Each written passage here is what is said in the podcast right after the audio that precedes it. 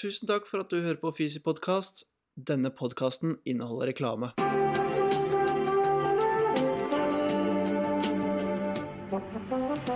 Verdien av Kinderegg og behandlingsrommet. Brun utapå, hvit inni. En hemmelighet, overraskelse i midten. Omtrent sånn den podkasten her føler jeg kommer til å bli. Veit ikke helt hva det kommer til å inneholde, men det er nok noe gøy inni. Dette. Brun utapå, hvit inni. Jeg har aldri, aldri fått et Kindered beskrevet på den måten der før. Det var helt fantastisk. Ja, veldig bra. Sitter her i dag med Eirik Skarholt. Hei. Halla. Her eh, skal ha en eh, prat med han, og for å bare gi en kort introduksjon om hvem han er, så er han en kiropraktor, performance, bedrift, mental coach, energispreder, livsnyter og i hvert fall det jeg har opplevd hittil, definisjonen av positivitet. Jeg trodde du skulle si definisjonen av galskap. Ja, litt det, men jeg tenkte sånn, ok, jeg må vente med det. det er, eh, vi skal prate litt om eh, kunsten å lytte i dag. Blant annet pasientrelasjonen.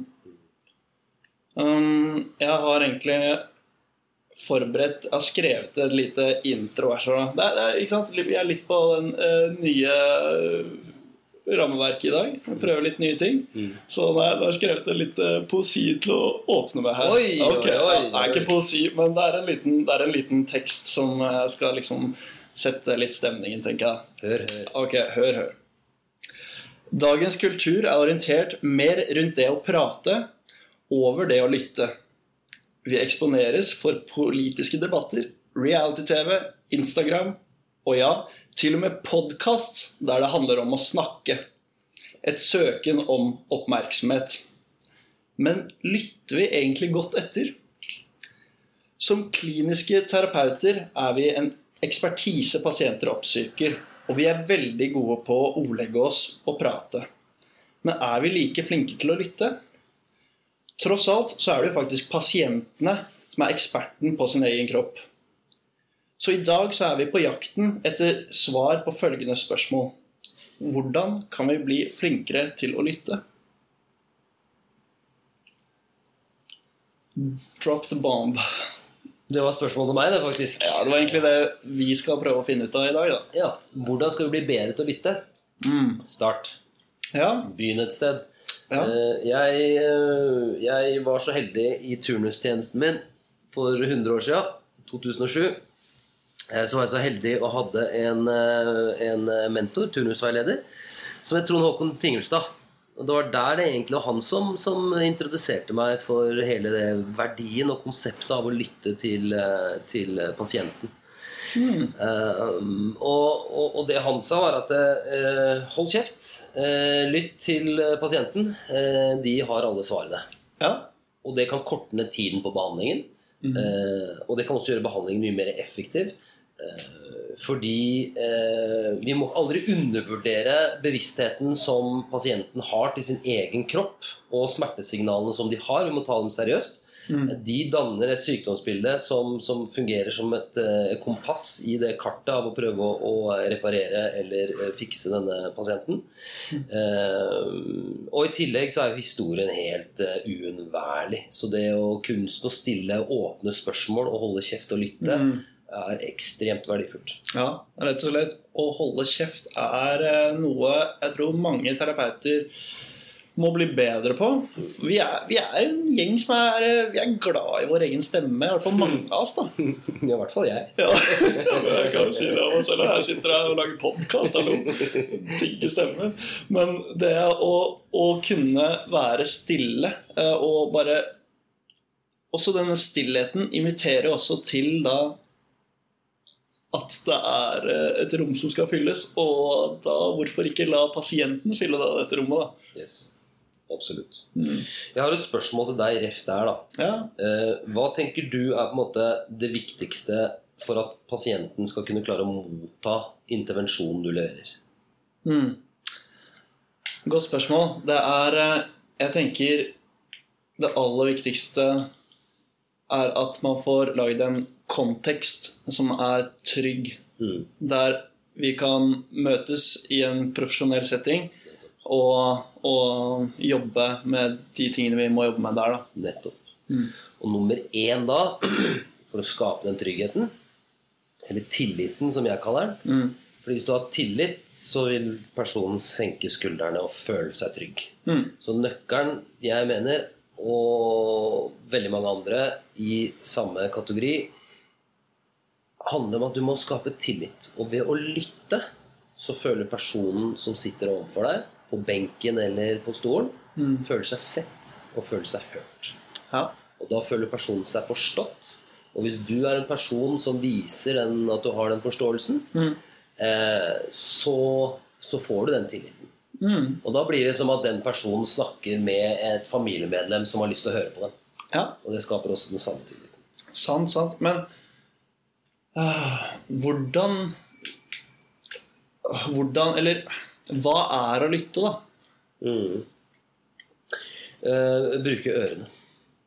Bruke ørene. Bruke ørene. Åpne ørene. Mm. Så ta dem sånn ti centimeter, ta tak i øreflippen, og så Mm. dra dem bakover. og Åpne ørene. Og da får man potensielt en god lytter, ja. altså, det er jo et veldig sånn uh, Veldig vanskelig spørsmål. Hva er å lytte? Det er et veldig Mm. godt spørsmål. Jeg tror å lytte må starte med åpne spørsmål. Mm. Hvordan har du det i dag? Mm. Bla, bla, bla, bla, bla, bla, bla, bla, bla, bla, bla, bla, bla. Yes. Da, da lytter du på det. Ja. Uh, åpne spørsmål, så mange som mulig. Mm. Uh, selvfølgelig, hvis pasienten prater så mye at du ikke rekker å, å um, legge fram en plan eller gjøre undersøkelser eller behandling, så må du på en måte stoppe Ja, lyttingen. Det er ikke sånn at vi er skal, vi skal ikke lytte pasienten til døde eller selv til døde. Sant. Eh, Så, så, så det er viktig at man, at man ikke bare skal lytte, men at man må kanskje starte med å lytte. Ja. Eh, og åpne spørsmål er superbra. Eh, og så, hvis du ønsker da mer informasjon basert på den informasjonen som pasienten gir deg, så stiller du spesifikke spørsmål til det den personen sier, for at personen skal gå dypere Mm. inn i akkurat den biten der. Mm. Men det er en hårfin balanse det der med når stopper man det. Fordi det er, det er noen pasienter som har så mye på hjertet, og jeg tror nesten det er en stor effekt bare i at de er i et fora, i, et, i en kontekst der de kan lette det fra hjertet sitt. Mm. Men, men det, er, er jo som du sier, Mm. man må jo gjøre noe Noe Kall det terapeutisk inni det hele òg, da. Yes. Altså, kan ikke bare sitte og prate og lytte heller. Yes. En teknikk som jeg bruker mye, for, Mm. for å gjøre det konkret da, for Ja. de lytterne dine, Ja, eh, er at eh, jeg forstår deg veldig godt. Det er en setning jeg bruker ekstremt mye. Ja. Jeg skjønner deg veldig godt. Jeg forstår deg veldig godt. Mm. Jeg forstår deg veldig godt. Ja. Altså, det er ingenting jeg forstår mer enn akkurat det som du sier nå. Det her kjenner jeg meg igjen i. Jeg forstår deg Mm. veldig, veldig godt. Ja. Og jo mer jeg legger trykk på den setningen her og repeterer den, ja. så føler personen seg sett. Mm. Og så er det veldig viktig at man da ikke er sånn aggressiv. Ja, jeg skjønner deg godt. Jeg skjønner, veldig, jeg skjønner veldig godt. Ja, ikke At pasienten ikke føler seg eh, overkjørt og, og avbrutt. Ja. Men og, du har noe som heter lyttenivå 1, 2 og 3, som Mm. er forskjellige empatinivåer som du lytter på. ja. Så lyttenivå 1 er jo selvfølgelig at man avbryter og skifter tema og ikke hører etter. Så Ja. det er et lyttenivå du ikke har lyst til å være på. Så ja. sant ikke du må skjære igjennom. Jeg hører hva du sier, Ja. men vi har ti minutter igjen. Yes. Jeg må få lov til å forklare det her, og Yes. så skal jeg gi deg en øvelse. Mm. Så da kan lyttenivå være positivt, Mm. eh, men det er egentlig nivået hvor du avbryter. Mm. Nivå to er på en måte empatigrad nummer én, om du vil. Mm. Eh, og det er at Hvis du sitter og forteller, eller pasienten sitter og forteller om hvorfor pasienten har blitt skadet, f.eks., så, si, så kan du gjenta det pasienten sier. Så f.eks.: Fortell meg eh, Fortell meg hva du gjorde i går, eh, Fredrik. Mm. Ja. ja, jeg, jeg skata. Du skata. Mm. Hvordan var det å skate? Oh, ass. Fortell meg Ja. alt sammen. Jeg vil høre alt. Ja, vi startet uh, med en uh, å skate bare på flat ground, og give skate. Ja, så var vi uh, videre opp på rampen, og så kjørte Ja. vi rundt der. Det var uh, helt konge. Møtte masse kompiser. Kult. Hvordan var det? Ja, det var, det var helt maks. Var det gøy? Ja, digga det. Ingen skader? Nei, heldigvis ikke. Nei.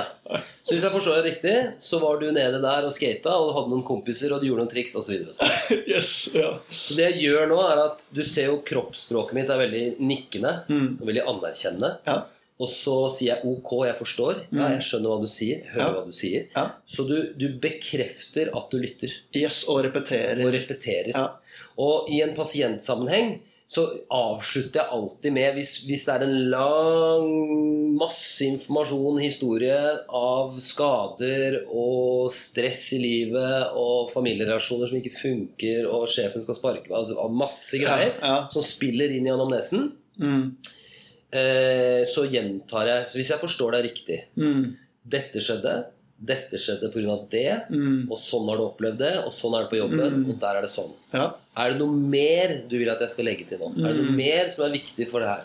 sant. Så da oppsummerer jeg, og da føler de seg Wow, han Ja. hører jo virkelig etter. Yes. Og det du aldri må gjøre, det er å sitte og notere mens du skriver. Kan man, yep. kan man glemme. Da, da, da har du mista det. Og, og det på en måte lytterne ikke fikk med seg heller, fordi dette er et lydmedie. Yes. Men du hadde også en hånd bortpå meg der. yes. Det var en, var en fysisk kontakt. Yes. Og det er også et virkemiddel. Kjempeviktig. Mm. Men den må man være forsiktig med. Ja, ja må, må time it right. Jeg Eh, møter kiropraktorer og, og fysioterapeuter som bruker den eh, litt for mye. ja, ja. Ja, Vi har lært på et eller annet kurs i USA at det er veldig viktig med fysisk kontakt, så det skal jeg gjøre med hver eneste en. Og så skal jeg klappe deg litt på skulderen. Den, eh, det, er, det er hersketeknikker hvis Ja. det brukes litt for mye. altså. ja, det er sant, det. Men det, det, det er lov. Mm. Så sånt eh, det er eh, positiv intensjon bak Mm. denne formen for manipulasjon. Da. For det er jo manipulasjon Ja, i positiv forstand. det er jo det. Men uh, tilbake til dette med å repetere. Ja. Uh, fordi jeg syns det er et veldig viktig poeng i forhold til at pasienten føler seg sett. Mm. Men ikke minst så er det veldig viktig også for terapeuten da å repetere for å forstå at har jeg hørt det riktig, og har jeg forstått det rett hvis? Fordi det har jo også mye å si i forhold til hvilke tiltak en vil da eventuelt velge da, å gjøre. Man har forstått hele, eh, eller i hvert fall den puslespillbrikken du får av pasientens liv den timen. Mm. Og det er på en måte synes det er fint både for pasient og for eh, terapeut sånn sett. Veldig. Du får den informasjonen du skal, og pasienten føler seg sett. Og så er det et element der som er jævlig viktig. Mm. Og det er at når du sitter og lytter, så skal du bry deg om pasienten. Ja. Så du, du må ikke fake det. Nettopp. Eh, jeg har faka det noen ganger hvis jeg syns at personligheten som sitter overfor meg, er frekk. Mm. Eller er eh, uforskammet eller ufordragelig og sier ting som jeg syns kanskje er eh, langt utenfor, Ja. så kan jeg fake det. Ja. Fordi da, da sitter jeg og kjenner på at den personen her har jeg egentlig ikke noe lyst til å ha med å gjøre, men fordi jeg sitter med det pasientansvaret jeg har, så er jeg nødt til å hjelpe hvis jeg kan. Mm. Da fikk jeg det. Men det er så viktig å være genuin, Mm. ærlig, oppriktig og bry seg om de menneskene. Ja. Og, og, og virkelig, virkelig, virkelig, virkelig eh, være til stede og se og høre dem. Fordi det vil de oppleve. Mm. Og forskjellen fra å fake det kontra det å være genuin Mm. Jeg vil si at det er minimum 50% av resultatene dine kommer fra Bergen. Ja. Men det er jo det er litt som du sier, da. At det er vanskelig å være genuin med absolutt alle. Eller det er på en måte man, man, Noen klaffer man bra med, yes. sånn personlighetsmessig, og andre må man kanskje jobbe litt mer for å klaffe. Yes. Men noen, noen er og forblir folk man ikke kan fordra. yes. Og, men i den rollen vi har, som, som vi må på en måte være gode på å fake innimellom òg, da. yes. Ja, yes. er Og da kan jeg gi deg et tips. De menneskene som ikke ønsker Altså de, de terapeutene mm, som ikke ønsker å utvikle seg som mennesker, mm, det er de som ikke kommer til å skape god kontakt med bredden av befolkningen. mm, Og det jeg mener med det, er at eh, når du jobber med pasienter over mange, mange år, så får du erfaring av å bry deg, genuint være til stede, Mm. med veldig forskjellig mange personlighetstyper. sant. Og ofte så er det slik at de menneskene som du ikke liker, eller som du ikke har kjemi med, Mm, er kanskje en indikasjon på at du trenger faktisk å jobbe litt med deg selv. Ja. Fordi mennesker er ofte et speil på hverandre. Så jeg har brukt off veldig Eller egentlig nesten hver gang. Jeg kan ikke si hver gang, fordi så perfekt er jeg ikke. Men jo, det er jeg faktisk. perfekt finnes ikke. Nei, Perfekt finnes ikke. Jeg, prøvde, jeg prøvde å dra en joke i det, der, men det funka ikke. Men, men, men nesten, nesten hver eneste gang jeg kjenner at jeg får en dårlig følelse i møte med en pasient, Ja.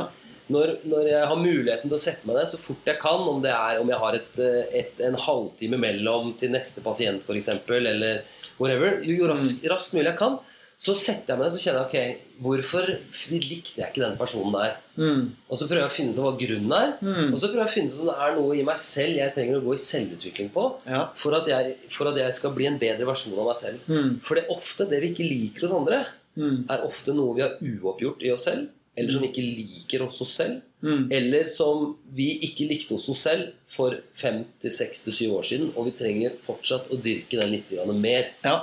Så mennesker er et speil. Mm. Det du dømmer hos andre mennesker, det er ofte noe du dømmer i deg sjæl. Ja.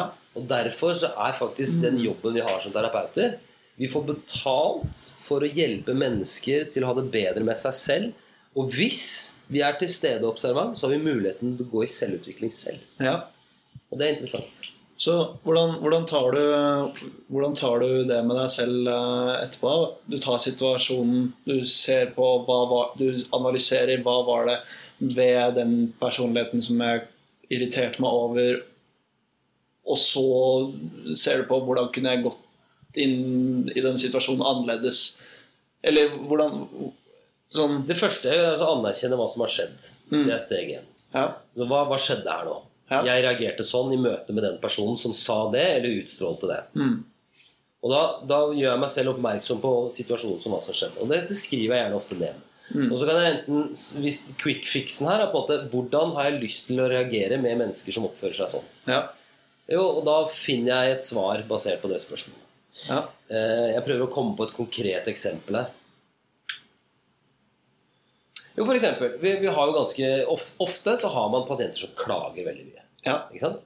Og eh, med hånda på hjertet så tror jeg ikke det er mange terapeuter som kan si Ja, jeg elsker det når pasientene mine klager. Nei. Ja? Eh, Det kan alle kjenne seg igjen i. Ja? Og, og, så når man da har en pasient som har klagd mye, så setter man seg ned når dagen er over, eller det første øyeblikket du har, og skriver ok, pasienten klagde veldig mye. Hva skjer med meg når pasienten klager? Mm. Jo, da minner jeg meg selv på hvor idiot jeg er når jeg klager selv over de tingene jeg står i. Mm. Og da ofte Så det som skjer da, i hvert fall med meg, er at ah, vet du hva Nå skal jeg finne ut av hvilke områder jeg klager på, og så skal jeg fikse de arenaene. Mm. Så hvis jeg klager over at jeg har dårlig kommunikasjon med kona mi, for eksempel, ja, da skal jeg fikse den arenaen der. Mm. Hvis jeg klager over at jeg ikke trener nok, ja, da skal jeg begynne å trene igjen, da. Ja. Så ofte så er det her et speil på vårt eget indre liv. Mm. Disse tingene. Veldig bra. Mm. Ok, uh, vi er straks tilbake. En liten pause. Starttiden.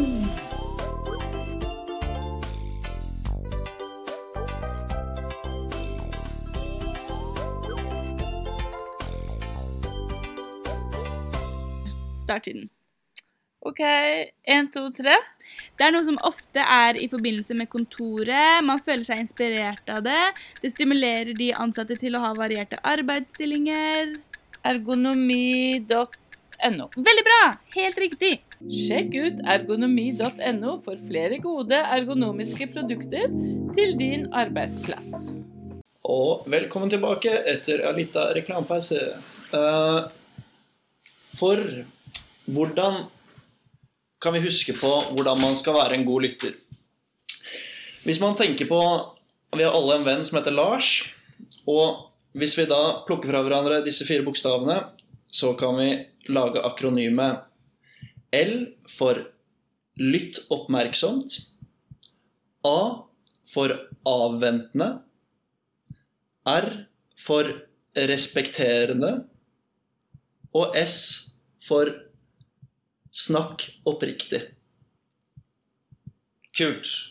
Den digga jeg. Den digga jeg. Den digga jeg. Ja. Og så satt jeg og tenkte på Det var en ting som dukka opp i hodet mitt når du sa det akronymet der. Og så når du kom til S, så, så liksom sa jeg jeg håper han sier det. Jeg håper han sier det. jeg håper han sier det Stillhet. Ja. ja. Stillhet er noe av det magiske som fins. Mm. Og for alle dere som lytter der ute òg, alle de tingene jeg snakket om her i dag, trenger du ikke nødvendigvis bare å bruke på pasienter. Du kan Mm. bruke det på relasjonene dine, du kan bruke det Mm. på familie, familien din, vennene dine. Du kan også bruke det hvis du jobber i business, eller hvis du jobber med salg. Ja. Prinsippene er det samme, for det her Mm. handler om å skape menneskelige relasjoner. Og grunnen til at jeg kommer på det nå, er at stillhet er noe som brukes på forhandlingsbordet Mm. når folk skal close dealer og Mm. bli enige om kontrakter og summer osv. Stillhet er et magisk verktøy. Ja. Fordi det som skjer når La oss si du er stille med en pasient. Skal jeg prøve å komme opp med et eksempel her. Og det er eh, La oss si at du har en pasient som har kommet til deg flere ganger med vond rygg og vond nakke, og pasienten blir ikke bra av din behandling, av kollegaen din sin behandling, av øvelsene, men pasienten har tillit til deg og er rimelig overbevist om at du skal klare å fikse det, så pasienten kommer tilbake deg og fortsetter å prøve. Mm. Og så har du gått tom for muligheter, og så er det stressbøtta som på en måte Mm. ligger igjen, som er veldig stor hos Ja. veldig mange mennesker, men som er veldig vanskelig for veldig mange å snakke om. Ja. Fordi stress kan innebære dårlig selvbilde, dårlig selvtillit, dårlig selvfølelse. Skilsmisse, jobbproblemer, dårlig lønn, økonomiske problemer. Masse Ja, ting som de skammer seg over ja. og er flau over osv. Og, så videre, og, og da er stillhet et helt ufattelig sterkt verktøy. Mm. Som man også skal være forsiktig med å bruke. Også fordi du må kunne klare å stå i det som dukker opp, når du bruker det verktøyet der. Ja. Men la oss si at du har bare prøvd alt, og pasienten har fortsatt tillit, og dere sitter der og du vet ikke helt hva du skal gjøre, så stiller du da det store spørsmålet Hvordan er stressnivåene dine, Mm. Gunnar? Mm. Og så sier Gunnar Nei, jeg har ikke noe særlig stressnivå. Jeg har positivt stress, og ja, jeg er hektisk, og ja, jeg sover greit og sånne ting. Mm. Hvordan har du det egentlig med deg selv? Mm. Hvordan har du det egentlig Mm. i livet ditt? Er ting sånn som du skal? Eller er det noe du ikke forteller meg? Ja. Stillhet. Mm. Og så ser du på pasienten og står i det. Mm. Og det trenger ikke være et så heavy spørsmål sånn som det her. Nei. Det kan være Hvordan er stressnivåene dine? Nei, stressnivåene er helt fine. Mm. Ja, er de egentlig det? Mm. Mm. Er du helt sikker på at stressnivåene dine er ok? Så det kan, være, det kan være en lavere terskel å gå inn på spørsmålet, Ja. og så stillhet. Mm. Det som ofte skjer, er at Ja, vet du hva, jeg skal være helt ærlig med deg. Og så åpner de seg opp. Ja. Eller du begynner å gråte. Ja. Eh, Så stillhet er en eh, magisk, eh, magisk situasjon Mm. eh, som jeg anbefaler alle å teste ut med pasientene sine. Men Ja. samtidig være litt bevisst på hva det kan skape, for det kan dukke opp mye følelser. Det er sant. Men da er det bra at man har det tverrfaglige aspektet, hvor at man har psykologer, eller Ja. man coacher selv, eller ditten eller datten. Så har man et Mm. nettverk rundt seg, så ordner det seg helt fint. Ja, og så akkurat det med stillhet, da. Så føler jeg at øh, noen ganger så kan man stille et spørsmål, og så kommer det en ganske umiddelbar respons. Mm. Fordi vi alle er liksom snekra sammen til å Ja, hvordan går det? Ja, det går bra.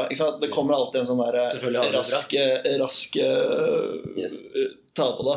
Men også på en måte da utfordre seg selv på å fortsette å være stille etter det første svaret har kommet. Yes. Så, den, mm, så det blir et tomrom, det blir et vakuum i rommet. Yes. Og ikke gå inn og fylle det selv som terapeut. La pasienten, eksperten, på sin kropp fylle det tomrommet. Yes. Mm. I den situasjonen der så skal egentlig terapeuten bare sitte og holde space, Mm. hvis det er et ord som gir mening.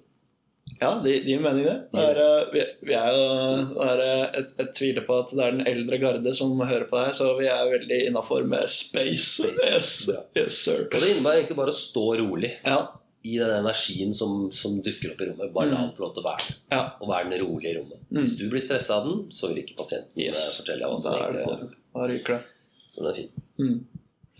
Er vi klare for en eh, liten spalte, eller? Yes! Yes, all right. Vi kjører i gang med spalte. Og uh, som alltid i vårt fagfelt, så er det ikke svart eller hvitt. Så derfor kaller vi da spalten gråsone, fleip eller fakta. Mm. Jeg har laget fire påstander, Mhm. og så skal du respondere fleip eller fakta, og så kan du slenge på en kommentar på det hvis du har lyst. Ok. Første påstand.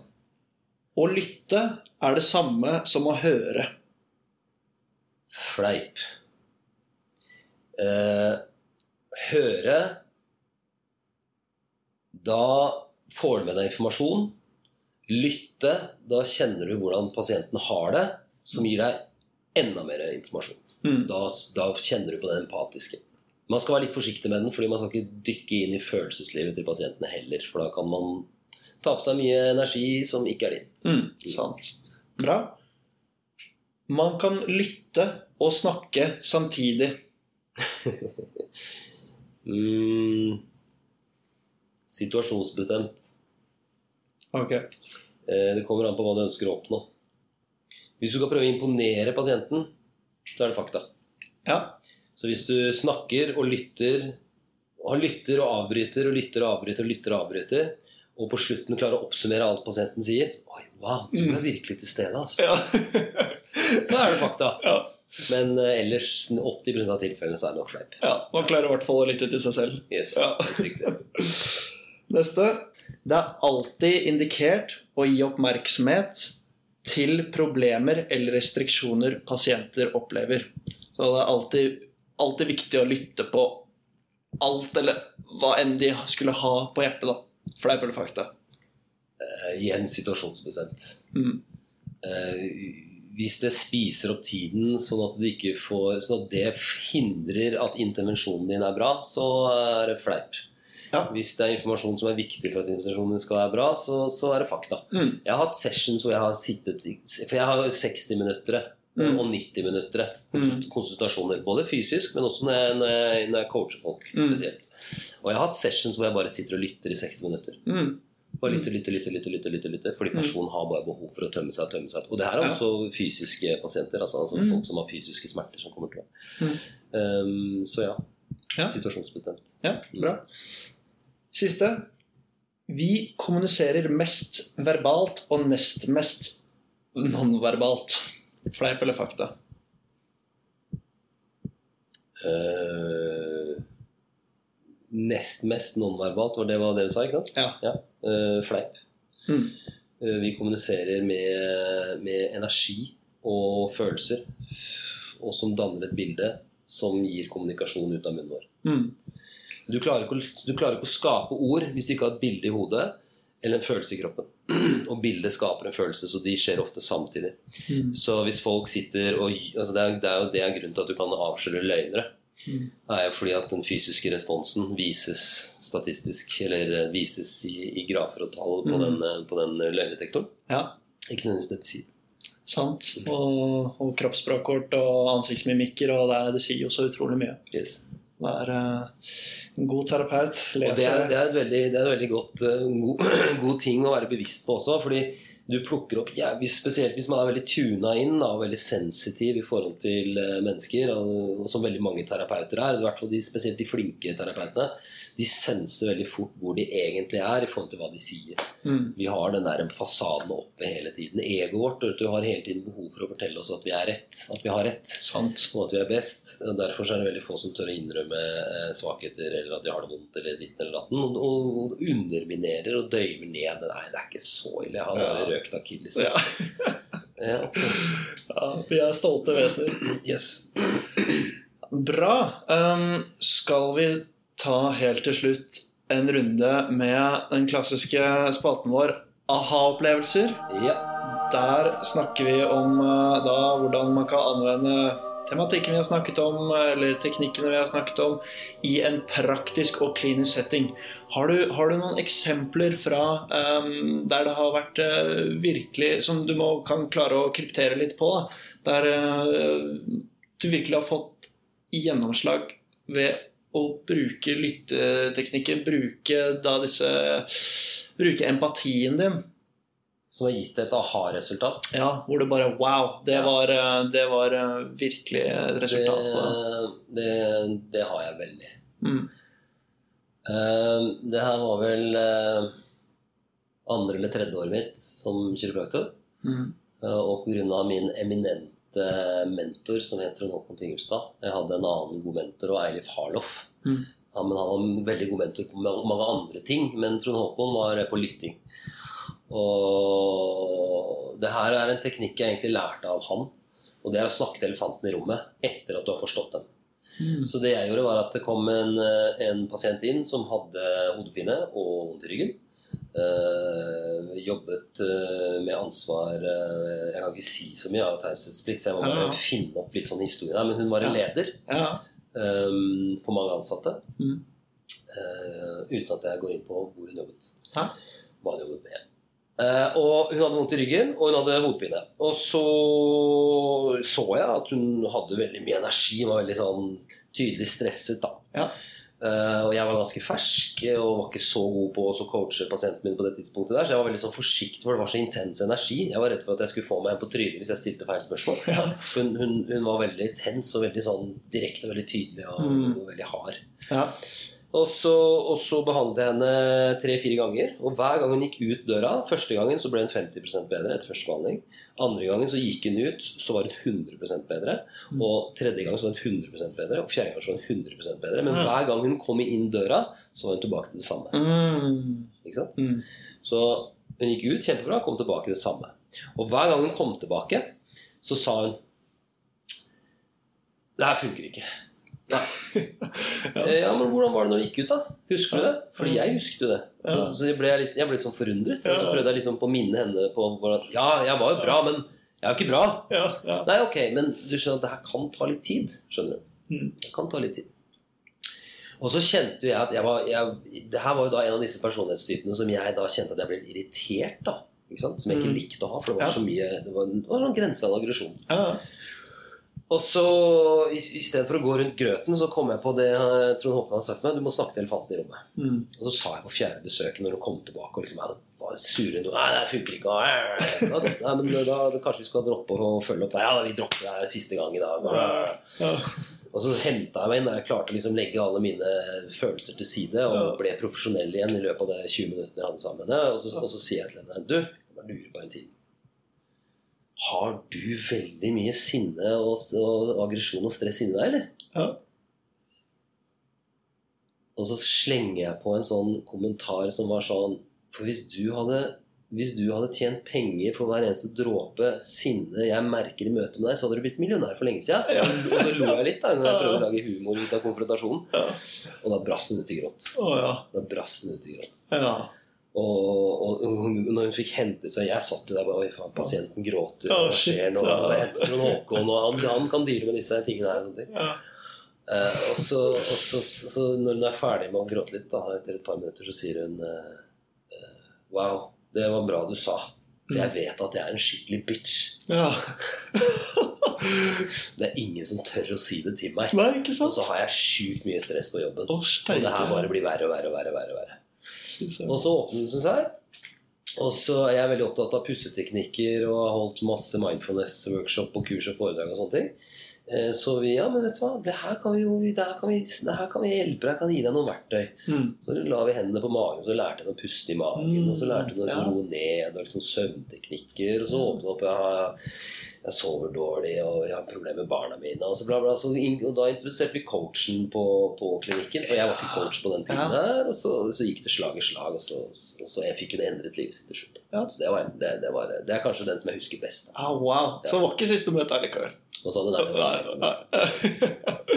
Ja, det var en fin uh, aha-opplevelse at du delte. yes. Ja, fint. Hvis, eh, hvis folk uh, har, du, har du noen gang lest noen kule bøker eller noen kule poster eller et eller annet på det her med å styrke hvordan du kan lytte, eller å få denne relasjonen Ja. til pasienten. Så, for jeg kommer til å lage en sånn der eh, post på fysi.no, Ja. hvor eh, podkasten med Eirik Skarholt eh, ligger. Og der vil også da eh, våre kjære lyttere kunne finne da, denne litteraturen eventuelt. Jeg kan sende deg de linkene. Eh, Fantastisk. Og det enkleste trikset er å søke på uh, listening techniques og TED Talks. Talks. -hmm. Der er det masse Mhm. gull. Masse 15-minuttere som er bare spot on verktøy, verktøy, verktøy. verktøy. Ja, Enkelt forklart. Så Mhm. det er det beste tipset. Gå på TED Talk og søk på listening, eller Art of Listening er Mhm. eh, en, en talk som jeg har hørt uh, på. Ja, Kjempebra. Stilig. Mm. Ja, men eh, tusen takk for at eh, du ville ta prat med oss eh, på Fysi. Det var, eh, var veldig kult. Takk skal du ha. Mm. Takk skal du ha. Da tar vi en rolig high five og ender det opp, da. Smekks. Ah, ok. Ha det godt. Vi høres senere. Ha det, ha det. Vi håper du likte podkasten. Har du noen spørsmål vedrørende innholdet, eller ønsker å kontakte oss, send en mail til post at fysi.no.